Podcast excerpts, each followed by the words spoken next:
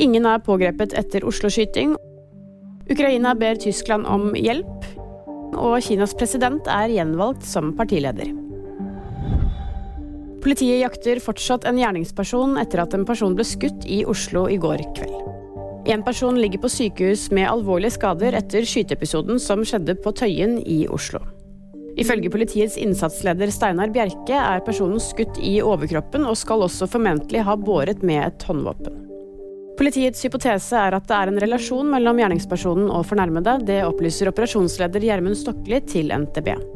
Og like før klokken seks søndag morgen sier krimleder Mona Nordby til VG at ingen er så langt pågrepet i saken.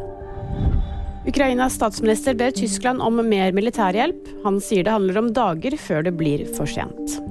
Til søndagsutgaven av den tyske avisen Frankenfurter Allgemeine Zeitung uttaler statsministeren at Ukraina venter utålmodig på ny ammunisjon, og den trengs her og nå.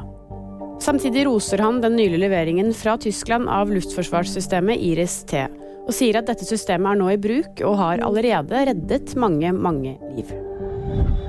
Kinas president Xi Jinping er gjenvalgt som kommunistpartiets generalsekretær for en tredje femårsperiode. Det melder statlige medier i landet.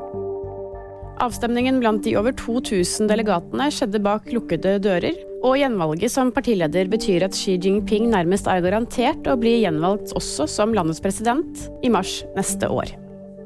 Og VG Nyheter fikk du av meg, Kristina Kinne.